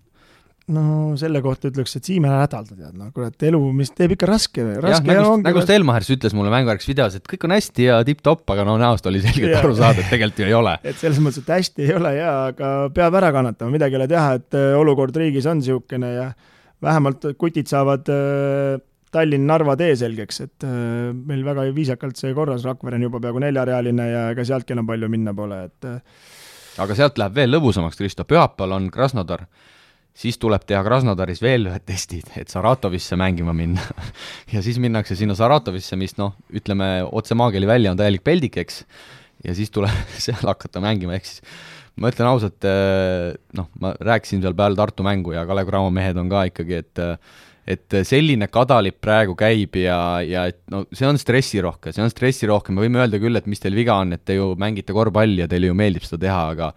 aga ma arutasin seal ka meestega, et tegelikult see sportlik pool ju kaob sisuliselt ära, millest me räägime, kui võistkonnad ei saa normaalset trenni teha, kõikidel satsidel ei ole võrdsed võimalused praegu ja olgem ausad, turniiritabel, mis nüüd tuleb, mis iganes, noh, see ei ole tõsiseltvõetav tegelikult. no oleme ausad, siin tegelikult mul meenub sellega, et ise mängides siin Eesti liigas ja nii edasi, et kõik ju räägivad, et mis sul, Eesti koondises näiteks mängid, see on ju nii fun ju, see on ju nii äge, te saate reisida ja te saate kõike teha ja olla ja no praegust võiks need vennad panna sinna teise bussiga kaasa ja siis tuleb see tädike sul kogu aeg torgib sind ja ma arvan, et mingi vaimne plokk on juba varsti ees, kui sa näed, et mingi tuleb jälle mingi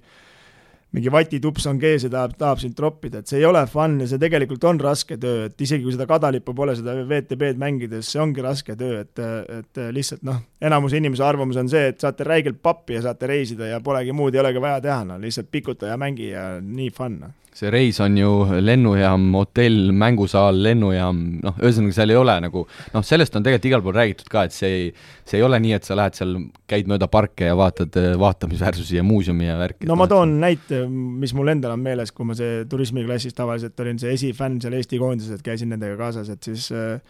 tõmbasime siit Frankfurti mõnusalt selle niisuguse tooli peal, nagu me praegust istume, kümme tundi, ootad järgmist lendu, siis tõmbasid äh, sealt Iisraeli no ja siis reisid lõpuks kaks nädalat, noh, aga linna sa ei näe ju, ühte kohta jõuad kohale, trenn, magama, järgmine päev hommikul trenn, õhtul mäng, magama, siis jälle uue, uuesti bussi hommikul vara tavaliselt järgmise lennuki peale, lihtsalt noh, et ma olen päris paljudes riikides käinud, aga kesklinnas ei pole näinud üheski. ja siia Graamo juttude lõppu äh, vaatame natuke sellele mängulisele poolele ka otsa, et äh, Siobhan Lewis, kui nüüd tuleb no Markus Kiin on selle palliga juba ära harjunud, ma olen siin viimastes mängudes vaadanud, aga nüüd üks mees tahab veel palli saada, et, et kas see, kas kas ühest pallist võib väheks jääda või pigem, sest no Stelmachersi käekiri on olnud kõikides klubides selline, et ta tahab, et kaks pallikäsitlejat vähemalt oleks korraga väljakul, eelmine aasta siis peamiselt Škele ja ja Vinales või siis äh, Sten Sokk seal, eks, andis puhkust, et äh, nüüd tal on tegelikult need võtmed olemas, aga me mäletame ju Lewist ka, no ta tahab ikkagi väga palju seal ise teha ja oma punkte ka taga ajada. no Stelmachers poleks teda võtnud, ma arvan, et äh, ta niivõrd tark ja, ja treener on, et ta ju eos juba lämmatab need olukorrad ja ja ta ju ikkagi teab, kes see Lewis on, et on tema käe all mänginud ka, kui ma ei eksi, eks ja Poola liigas äh, Lewis on Stelmachersi käe all olnud. ja, ja siis ta lihtsalt teabki, kas ta suudab teda cancel, kantseldada või ei suuda, on ju, et kui temaga oleks mingid probleemid kohe eos ja hakkaks võistkonna nagu ütleme, sisu ja seda kamba vaimu lõhkuma, et siis ta ei oleks seda võtnud, et ma arvan, et sellega ei ole probleemi, et ta paneb need pusled ilusti paika seal. aga nüüd, kui Martin Torbek neid Venemaa reise kaasa ei tee, siis äh, üks murekoht mul nagu on, Tartus vaatasin, no Jaanis Kaufmannis ei ole vormis mitte kuidagi füüsiliselt, et seal selline paar kilo on, on üle ääre ja ega ei ole ta ka mängudes ju väga silmapaistev olnud ja Stelmachers äh, on ta ikkagi pigem pingilt toonud, et seal Martin Torbek on alustanud, et äh, tegelikult sealt oleks ka ju panust juurde vaja noh, eks ta kindlasti ole ja siin saame kindlasti ju raputada tuhka Lehismetsa peale, et no kuidas ta ei ole meest vormi andnud, et äh, ei saa siis lätlasega hakkama, ise nii väike härjapõlvlane, et võiks ikka peale äh, panna mehe jooksma ja tegema, et aga aga nali naljaks tegelikult, ütleme ausalt, et äh, minu jaoks oli arusaamatu, et see Graamo üldse niisuguse mehe nagu Kaufmannis võttis, et ta ei ole mingi särav täht, aga esimeses mängus see Niidis pidas ennast korralikult üleval, väga ei seganud, et see Tartu mäng võib-olla ei näita kõiki neid nuppe eks siin kindlasti rahad on ka mängus ja, ja, ja noh, lihtsalt võib-olla need Exceli read ei, ei lubagi, ei lubagi võtta enam skeelesid ja, ja asju, kes, kes võib-olla ikkagi on vähe tummisemad. no seda kindlasti ka ja, ja Eestis pole midagi võtta, et äh, sellega me peame ka arvestama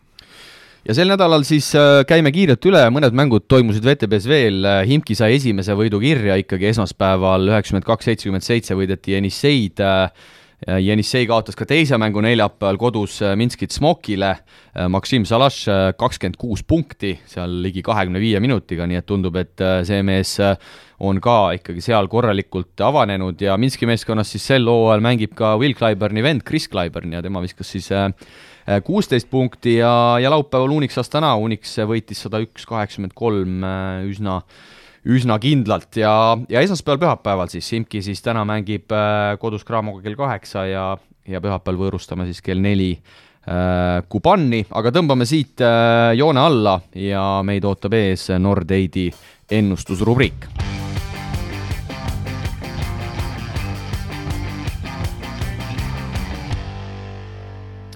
ja esimese nädala ennustusmängus, mis meil oli siis FC Barcelona, Moskva CSKA, meil oli võimalik teenida neli punkti ja meil tuli ligi sada kolmkümmend ennustust. Kristo, kas see on hea näitaja või, mis sa arvad? Esi-, esimese nädala kohta? ma arvan, et see on positiivne, ma arvan, et see on positiivne ja ikkagi midagi suutsime inimestele pakkuda ja ainuke mure on see, et napilt panin mööda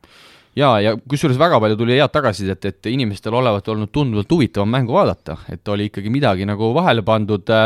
kahjuks küll kvalifitseerus üldtabelis sada neli äh, vastust. Me peame siinkohal vabandama kõikide kuulajate ees, et me tegelikult ei täpsustanud, et et peab panema ees- ja perekonnanime, aga noh, me eeldasime, et see on, äh, see on loogiline, aga edaspidi palun, kui te teete oma ennustused, pange ees- ja perekonnanimi mõlemad ja siis läheb teie ennustus kindlalt äh, arvesse natuke statistikat ka, saja kolmekümnest ennustajast kaheksakümmend protsenti pakkus koguni Barcelonat, kakskümmend siis äh, CSKA-d, kõige populaarsem pakkumine oli Barca pluss kaheksa, kakskümmend viis korda siis pakuti seda, äh, Mirotitšit äh, konkurentsitult pakuti enim punkte viskavaks mängijaks, üle poolte vastanutest circa seitsekümmend. Ja enim pakuti siis, et parim punktiviskaja viskab seitseteist punkti, no meie Kristoga ikkagi ka peame sinuga siin omavahelist asja pidama, hetkel siis üks-üks, sa olid küll, ma tunnistan, sa olid oma numbritega tunduvalt lähemal, aga saime mõlemad siis selle eest punkti, et panime Barcelona võitjaks jah, et ütleme nii, et enamus kuulajaid ikkagi kuulas mind, pakkusid pluss kaheksa, et noh, ma pakkusin üksteist, jäi kümme, eks. et ikkagi tõenäoliselt nad arvasid, et mina olen lähemal võrreldes sinu pluss neljaga, eks ja no ega te ju rohkem Barcelonast nimesid ei tea kui Mirotic, et seitsekümmend protsenti pakkus sinu järgi selle ära, et jaa, ma olen, ma olen ka see peavoolumees, et lähen ikkagi, aga võib-olla oli hoopis nii, et ma pakkusin Mirotic ja vaata, kus seitsekümmend inimest tuli järgi. ja, ja ei no seda küll ja see on väga huvitav, et äh, jah aga üllatav muidugi, et Davis selle kaheksateist punkti pani, kuigi väike oht oli, ma ise selle peale korra mõtlesin, aga ise arvasin, et äh, Abrinese poiss ka, aga palju ta pani meil, kolmteist, eks? Abrines pani kolmteist, Davis pani kaheksateist ja minu poiss Mirotic pani siis seitseteist et äh, ja te pakkusid kakskümmend kolm? ma pakkusin kakskümmend kolm, ma läksin ah, ahneks. natuke palju, kas keegi pani paika äh, täppi ka, Davise? Jaa, seal ei, kusjuures Äh, kusjuures ei pandud, äh, pandi küll, et Davis viskab, aga et Davis viskab kaheksateist, seda ei pannud äh, keegi. päris keerulised ülesanded oleme oma kuulajatele pannud, aga kindlasti proovime veel ja loosime võitja välja, eks sa sellega tegeled ise jälle. võitja on teada, pole kursis, Mattias Hapsal võttis juba meiega ühendust ka ja temale tuleb siis esimene Nordeidi vitamiinikomplekt ja seal on siis sees D-vitamiin pluss K2 ja saab ka liposoomset C-vitamiini, kindlasti D-vitamiini siin pimedal ajal läheb ilmselgelt vaja ja ja liposoomset C-d siis ka, Mattias, kui tunned väsimust, energiapuudust, siis siis anna minna ja kui tunned, et hakkad vähe tõbiseks ka jääma, siis paar pakki, pakki kindlasti sisse, aga kui Mattias saab auhinna kätte, siis kindlasti loeme talle sõnad peale, kuidas neid Nordeidi innovatiivseid toidulisandeid tarbida, aga läheme uue nädala mammu juurde ammu juurde ja valisime välja siis äh, Pahv Eesti-Läti ühisliiga avamängu äh, laupäeval, kümnendal oktoobril, nii et sisuliselt nädal aega on kõigil aega ennustusi teha. TalTech Pärnu lähevad siis tegelikult kolmandat korda järjest juba vastamisi, siin kaks karikamängu saavad peetud ja kolmapäeval mängitakse siis teine. ja Kristo, sina saad siis täna, äh, täna avada, kuna mina ütlesin eelmisel nädalal vist esimesena või ütlesid sina? Äh, sel vahet ei ole, aga sealt TalTech Pärnu mängu juurde tulles mul selle Pärnuga tuli meelde, et meil on väike võlg ka siin, et üks äh, väga cool vend on seal Pärnus, et äh, kui me käisime mängimas äh, Sander nimeks, Sander jah, nimeks. Sander käisime Rae Kossuga mängimas Pärnuga karikamängu, siis äh, ma mõt-, juba mõtlesin vahepeal, et sa oled juba, me mängime nii kehvalt, et sa juba tribüünile läinud, aga hoopis äh, Sander, oma poiss meil. jaa, oma poiss meil, äh, igas linnas võiks meil oma poiss olla ja, ja Sander oli väga vinge pusaga, et tubli Sander. jaa, Sander Lehtme ja Sander saatis meile küsimuse ja nüüd siin Paulsi kuulajate küsimuste rubriigis me loeme ka Sandri küsimuse ette, aga hea, et sa selle juurde tulid ja nüüd TalTechi Pärnu mängus siis äh, natukene muudame, äh, muudame äh, ennustusi, taas neli punkti, kes võidab, palju ka võidab, kes on võitjate parim sööduandja, erinevalt eelmisest nädalast, kui siis küsisime parimat punktiviskajat ja mitu resultatiivset sööt, söötu see parim võitjate sööduandja annab, anna minna. Ma pakun, et Pärnu on kaks korda ära loputanud selle TalTechi ja tuleb väike niisugune enesekindlus ja selle liiga esimese mängu TalTech võidab ja võidab viiega. Oot, oot, oot, oot, mul on ka viiega, sa ei saa panna sama, mul on paberi peal kirjas, sa näed praegu siin okei, siis ma muudan, ma mõtlesin, kas seitse, viis või neli, hea küll, ma muudan ära siis. jaa, muuda ära, sest et minul on, sa näed ise ka, ma ei ole siit midagi teinud, mul on viis kirjas. no siis ma panen kolm, sest et kui TalTech võidab, võidab Kobaga, et nii, TalTech kolm. nii, mul on siis viis, ma ütlen, TalTech okay, viiega. okei okay,, äh, ma panen TalTech kolm, äh, parim sööduandja, no seal väga ei ole neid äh, nojah, peaks ju tegelikult ainuke, kes seal on, kui, kas Tanel Sokk mängib jälle küsimus, kas tuleb tagasi, see oleks, kas Kangur mängib söödumees, väga palju küsimusi on praegust, aga me peame kohe vastama, sest me oleme eksperdid, meie ei saa oodata tund enne mängu ja, ja mõelda. Ja vot tõmban niisuguse jokkeri välja nagu Eerik Keedus. ja mitu, mitu mammut paneb sõpradele? kolm kolm, selge. madalalt hindad, aga olgu, Erik Keedus kolm söötu, mina panen ikkagi jälle, lähen kindla peale välja, nagu Mirotitšigagi üritasin. Äh, Jaan Puidet, kes tegi siin esimeses karikamängus äh, tubli mängu, andis viis söötu, ma arvan, et liiga avamängus äh, Jaan üllatab kuue resultatiivse sööduga. Mhm. -huh. aga kõik kindlasti lööge kaasa. Äh,, iga nädal siis äh, uuendame ka üldtabelit. Äh,, nagu öeldud, enne jõule loosime välja siis parimale kolmele üldtabeli. Esimesele juba suuremad vitamiinide komplektid, esimene koht saab kindlasti endale ja kaaslasele terveks aastaks igasugust, igasugust manti, et ennast teravana ja ja turgutavana hoida. Ja, ja ka teised saavad vääriliselt, vääriliselt premeeritud jah, ja ei oska muud öelda, et kes ei ole veel nii tark, et selle tulemuse täppi paneb, siis võite Nordide'i vitamiini sama ka süüa, et oleks teravam ja saaks äh, ennustusega täppi. jaa, ja sest, et kui siin muidu öeldakse, et oh, mis toidulisandid, et paras pläust ja nii edasi, eks, aga ma ütlen, et need toidulisandid on äh, töötatud välja koostöös Tallinna Tehnikaülikooli teadlastega ja päris reaalselt, ma ei mõtle seda juttu siin välja, et, äh, et kindlasti see on väärt kraam ja see on kvaliteetne ja ka kallis kraam, mida tegelikult apteekidest on võimalik äh, võimalik äh, osta, nii et lingi, kus ennustada, saate kätte meie sotsiaalmeediast, Facebookist kindlasti saate selle kätte, SoundCloudist selle lingi, nii et sellega ei tohiks probleeme olla ja ja tuletan siis veel kord meelde, et laupäeval on mäng kell viis, ehk siis kella neljani laupäeval saate anda oma ennustuse ja mitu korda ärge ennustage, esimene läheb ainult kirja ja palun ees- ja perekonnanimi, ehk siis näiteks Kristo Saage jah, või Siim Raudla. jah, just. aga olgu, tõmbame Nordeidi ennustusrubriigile selleks korraks joone alla ja viimane osa on meid, meile jäänud, Poolsi kuulajate küsimused. kuulaja küsimus mängule paneb õla alla Poolsi, parima valikuga ketsipood Eestis. tutvu valikuga www.poolsi.eu. no nii, tund viisteist märkamatult on, on läinud, aga rääkida tundub, et meile meeldib ja, ja Kristjan Kitsing siis ka täna oma, oma mõtteid jagas. Poolsi kuulajate küsimuste rubriik, enne kui me lähme tänase kolme küsimuse juurde, siis äh, uus korvpallihooaeg äh, on algamas, Kristo, kas sul äh, ketsid on olemas Poolsist? korvpalliketsid siis? mul on korvpalliketsid Poolsist, aga nüüd äh, esimest mängu vaadates siin esiliigas, siis mul oleks vaja need välja vahetada, sest need ei sobi, ma ei oska nendega mängida enam või on see kehvas vormis ikkagi no igatahes Paulsi äh, siis siin oktoobris on ikkagi välja tulnud kuue uue mudeliga sisuliselt, äh, kellel ketse ei ole, minge Paulsist läbi, parim äh, ketsipood, nagu see kõll meil siin ütleb, no kui sul üldse, no mis, mis sul, mis sinu eelistused oleks, mida sul vaja on täpsemalt, siis ma saan sulle kohe soovitada siit nimekirjast. ma olen mänginud viimasel kümnel aastal kas Lebroni või Kobiga, et äh, need on olnud minu ketsid, et ma mängin ainult madala ketsiga, ma ei oska kõrge ketsiga enam mängida, ma olen mänginud ka kõrge ketsiga, aga noh, kolmes taga patrullida paha nagu selle kõrge ketsiga, et hakkab pigistama, tead, et madala ketsiga. no aga mul on sulle kohe siit äh, välja pakkuda, Lebron seitseteist tuli välja äh, suhteliselt raske kets küll, aga noh, arvestades, et sa väga enam nagu, nagu sinna alasse ei, ei roni, samas positiivse poole pealt seal on palju pehmendusi nii kanna kui ka ketsi esiosas, ehk siis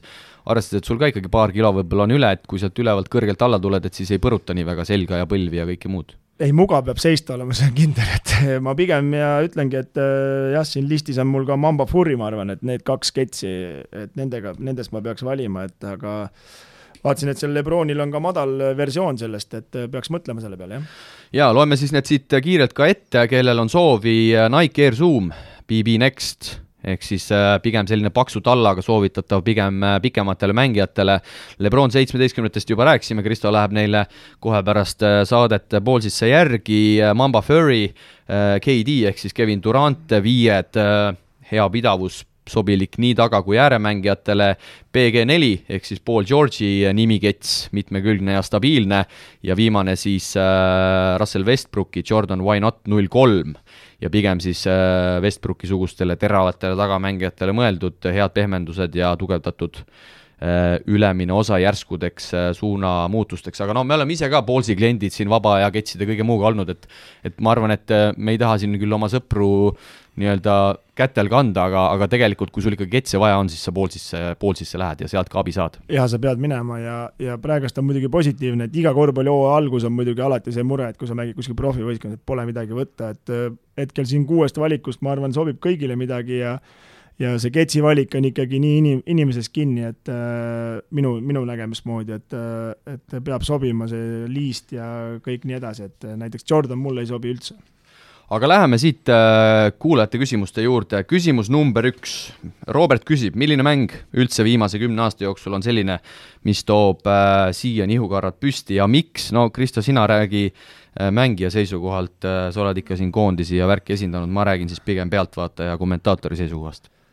no mul on kolm mängu, ma olen seda juba leierdanud ennem ka, et äh, kaks tükki on Saku Suurhallist ja üks on meil siis Rakverest, et äh, esimene, mis niisuguse äh, tunde tekitas, oli Kalev Cramo või see puh, ehitustööristaga Saku Suurhallis ja läksid saali ja Saku Suurhall oli püsti täis, et seda väga tihti ei, ei, ei juhtunud ja Tartu Rockiga finaalis, et see oli küll võimas tunne, et esimene oli see, siis tuli väike vahe, siis Tarva hõbedamängul,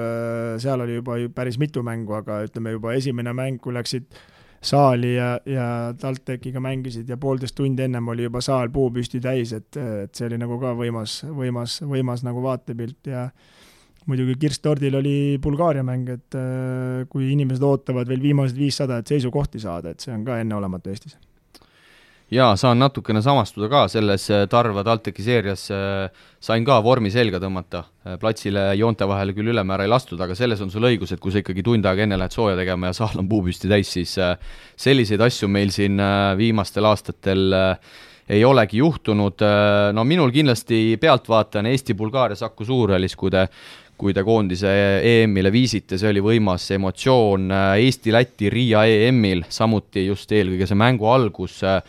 võib-olla kui välismaale minna, Panathinaikos olümpiaakos sai siin äh, sõpruskonnaga mõned aastad tagasi Ateenas vaatamas käidud, no see on kindlasti, ma julgeks öelda, ikkagi number, number üks sellise korvpalli emotsiooni mõttes, Euroliiga Final Four Berliinis,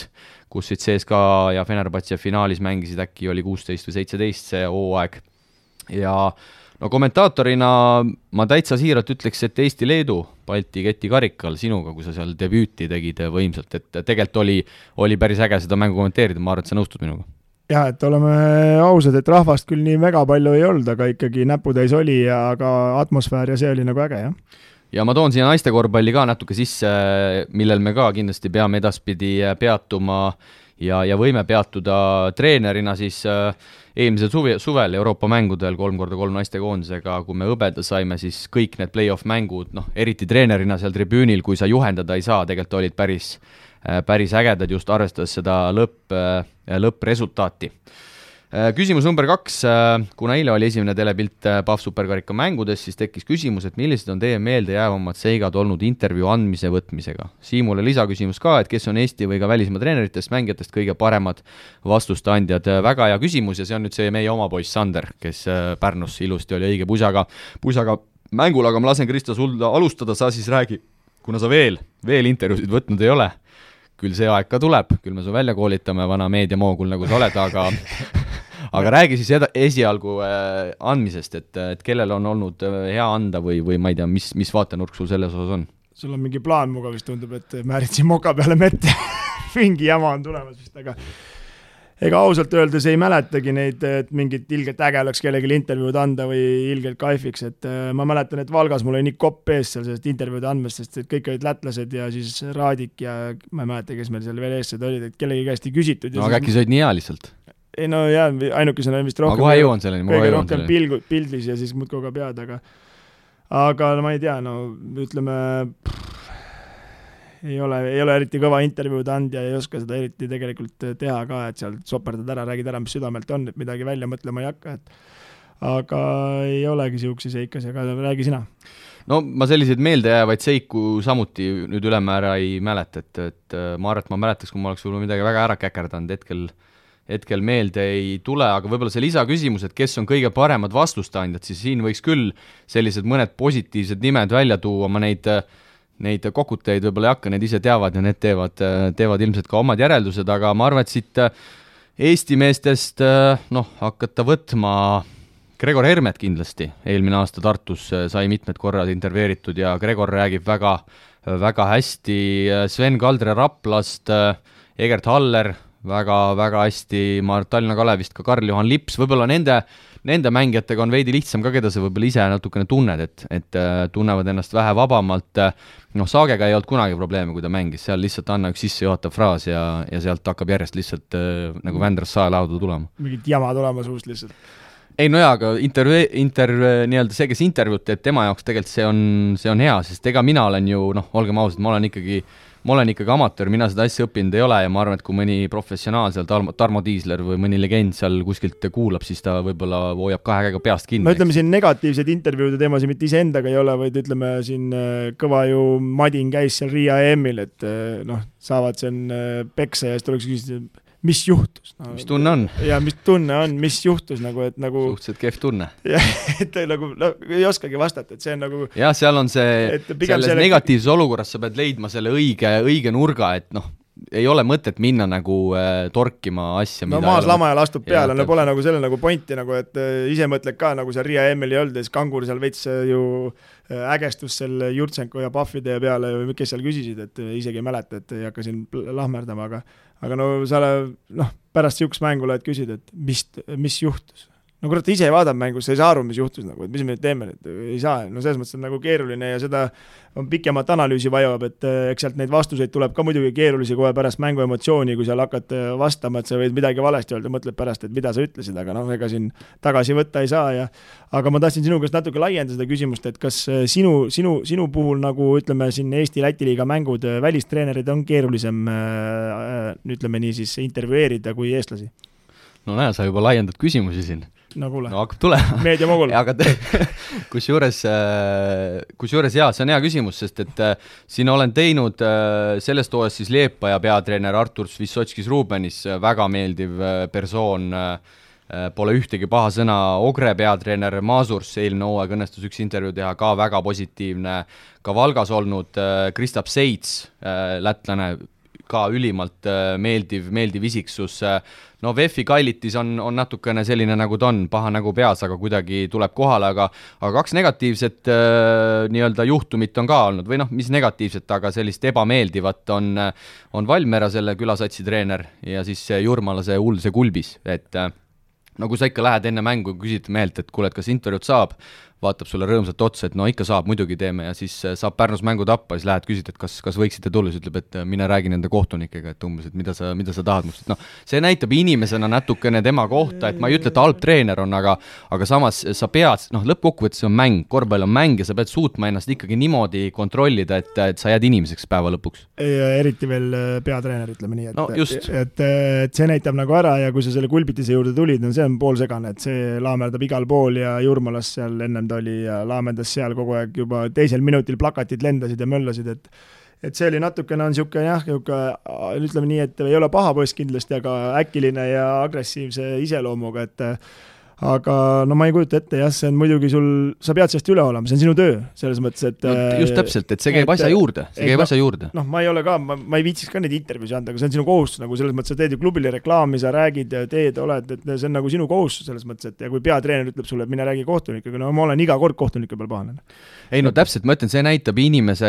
kohta nagu midagi nagu suuremalt, et et noh, ma ei, ma ei tea, kui siin hakkasime seda kulbist lahkama, võib-olla ka liiga vara kõik asjad tulid kätte, ta ju kahekümnendate alguses kus oli juba Barentsi peatreener seal, ma mäletan, Kalevi spordihallis ja, ja noh, nüüd ta on ka otsinud, Jurman läks pankrotti, nüüd ta on Läti naistekoondise ja selle TTT Riia, selle Läti satsi, kes Euroliigat mängib, seal pealik, et no nii palju, kui ma tausta tean, ega teda seal Lätis väga ei, ei sallita, et eks ta ütleb ka kindlasti, mis ta mõtleb, meil siin Eesti korvpallis on ka selliseid, selliseid inimesi, et jah, et selles mõttes ongi, päris naljakas, et teda selle Barentsi peatreeneriks ja siis Maaris Kulbis tema vanem vend on ta, eks vot seda ma isegi ei tea, ma arvan, et neid ma... kulbiseid muidugi on ei, ei, see on tema vend, ei, see ta on vend no,, aga ma mõtlen, kas ta on vanem on, et siis noorem vend on vanema peatreener, aga see ka päris naljakas pilt ja ma mäletan täpselt seal Riia Arena taga seal väikses saalis mängisime, ta oli seal pealik, aga aga nüüd, kui jõuda selle asja juurde tagasi, et see on nagu, see näitabki sinu nagu nii-öelda käitumist või ütleme, kuidas sa sellesse noh,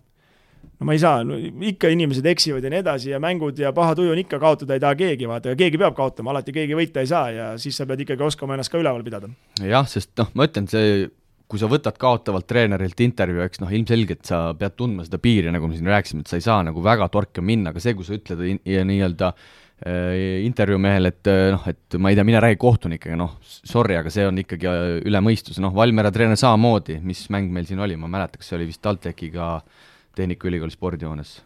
väga viisakalt lähed juurde, küsid tere, vabandust, et segan, kas intervjuud saaks? No,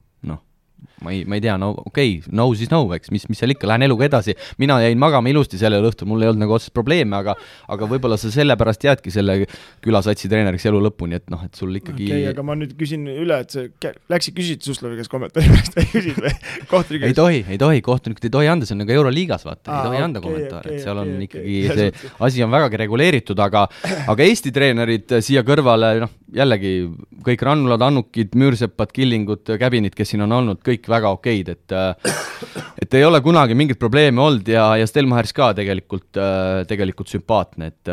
nüüd ka Tartu vastu noh, ei olnud väga hea tuju, paha tuju tuli tegelikult peale pärast seda mängu, mille nad võitsid, aga ta tuli ikkagi, andis selle intervjuu ja andis selle nagu okeilt ära, noh. no ta saab aru, et see on tema kohustus, ta peab seda tegema, no sa lähed pärast kaebad kuradi Kostlale kraamas, et kuule, Stelmachersile intervjuus, mis toimub, no ja siis on jälle häda majas, et tegelikkuses on ju re-, minu arust, kui ma ei eksi, ma muidugi nii kursis ei ole, et aga sa pead andma intervjuu jaa, tegelikult võitja võistkonna treener peab andma, no võitja võistkonna peab kohustus ja kui sa ei just. tee seda, siis on äh, suuremad pahandused, aga aga no nii ta on kahjuks. ja siin tegelikult noh, varem oli see, et, et võtame mõlemalt intervjuu, eks, võitjalt-kaotajalt, noh, aga olgem ausad, mida me seda kaotajat nagu torgime, et äh, pigem noh, Euroliigas ju ka võetakse võitjatelt, et see on nagu parem emotsioon ja keegi ei taha seal saalis äh, olla ja oodata kaotajana seda intervjuud, et noh, kindlasti ma arvan, et kaotajalt ei ole nagu pointi intervjuud võtta, aga lihtsalt vahel, kuna Läti satsid satuvad siia Eestisse suhteliselt harva, siis ma arvan, et vaatajatel on tegelikult huvitav kuulata seda Läti treenerite vaatenurka ka no ja, ja siis on äh, see võitjatreener äh, üldiselt annab, aga kui see ei anna, siis paned selle kaotaja tanki ja aga selle teema lõpetuseks ma arvan, et äh, mõistlik oleks öelda sulle ka väiksed kiidusõnad, et sa minu arust ei ole väga soperdanud, sa päris okei okay küsimusi küsid, et selles mõttes on ka nagu plusspooled sinu poolel, et kui see küsija tuleb ja küsib veel mingeid lolle küsimusi ka, siis on nagu palju õnne, noh. Oh, mis sa nüüd. aga olgu, lähme kolmanda küsimuse juurde, Timo küsib, no väga pikk küsimus on, aga ma üritan seda lihtsustada kiidan ka mina teid, et väga head asja teete ja kuulan iga saadet, äh, siit ka minu küsimus, äh, kas Eesti kõrgliiga meeskondadel peaks olema duubel rivistuse omamine esi- või teises liigas kohustuslik, äh, tema arust on see kummaline, et siin näiteks noh, on näited toodud, et Erki Kuhi mängib Rakvere Tarvas ja siis esiliigas Korvpalliakadeemia Tallinna Kalevis, ta saab muidugi mängijate seisukohast aru, et tähtis on, et võimalikult palju mängida, kui ta Pahv liigas nii palju võib-olla peale ei saa, aga lihtsalt tema jaoks on see kummaline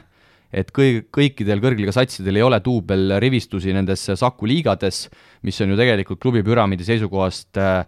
väga oluline, jõudu ja jaksu teile, pange ikka sama vägevalt edasi, no Timo, proovime, aga mis, mis me oskame selle siia vastata, tegelikult see on väga hea küsimus, ma ütleks, siin on jälle, mida tegelikult arutada. No oleme ausad, äh, minul on see seisukoht juba ammusest ajast ja no ütleme, ja aina süveneb, et esiliiga võistkond peab olema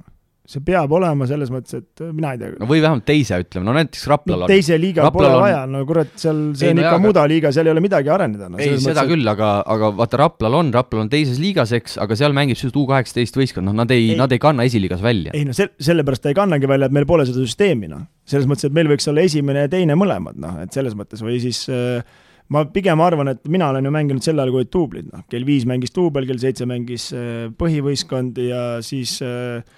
isegi kui sa, noh, minul oli veel niisugune õnn, et Erkma mind tassis kõvasti, et siis ma pidin veel, tegin selle kella viiese mängu ära, siis läksin pool seitse, hakkasin uuesti sooja tegema, siis istusin selle mängu ära, peale ei saanud, on ju, eriti siis mingil hetkel isegi sain seal ka veel peale, siis noh, põhimõtteliselt neli tundi, viis tundi olin kogu aeg saalis, on ju, aga aga mida ma tahan öelda, on see, et kui kell enne seda põhimängu on see, ütleme siis mitte nagu duubli, vaid esiliiga mäng, eks, mis on su oma kasvandikud, eks, inimesed tulevad juba saali, vähe nagu rohkem juba kütetakse üles, seal on ju, töö käib, on ju, aga see noor mängija jääb pärast ka saali. ta näeb selle mängu ära, ütleme, Kalev Cramo tuleb, noh, ta läheb muidu koju, teda ei huvita see, ta istub seal, ma ei tea, teeb mingi sada muud asja, aga sealt ta näeb ära, tuleb, näeb, kuidas need äh, mustad mehed, kes meil sisse toodud on, kes oskavad korvpallikuu püüelda, no et äh, see on nagu minu arust või peaks olema, ütleks ma nii. no vanasti oli vaata hea, olid kõik mängud seal Kalevi spordihallis, eks ma isegi noore mehena käisin neid vaatamas ja olidki seal reaalselt mingi, ma ei tea, kell üks päeval hakkasid duublimängud pihta ja seal õhtul, õhtul isaga kell kümme, üksteist tulime ära, et olid kogu selle asja nagu sees, aga no nüüd on see muud saalid ja muud liigad juures ja aga, aga mina olen ka nõus, et eks kindlasti need on laualt läbi käinud Korvpalliliidus, need duublite teemad, aga ma arvan, et vaata ongi, lihtne on lõhkuda süsteemi aga uuesti seda käima panna, ehitada on tegelikult nagu maru raske. ei no väga raske ja see on nagu no meil ei ole üles liigasse pole mängijaid, no mis me veel esiliigast räägime, aga meil ei tule sinna üles liigasse, kui esiliigas pole mängijaid, no selles mõttes ma ütlen, et duublivõistkonnas nagu, nagu eelmine aasta ma näiteks äh, ütlesin Tarva pealikule, et äh, jäta esiliiga võistkond alles. et äh, noh, tõusid sinna Eesti-Läti liigasse, ma ütlesin, jäta esiliiga, ai no see on nii kallis, noh. mis kurat, kümme, kaksteist tuhat, no pidi olema see üks hooaeg ära mängida, noh, selles mõttes, kui lihtsalt kulud nagu no see ei saa olla nagu kallis, no kui sul on eelarve sada kuuskümmend ka kuni ma ei tea, pool milli, see ei saa ju kallis olla, noh.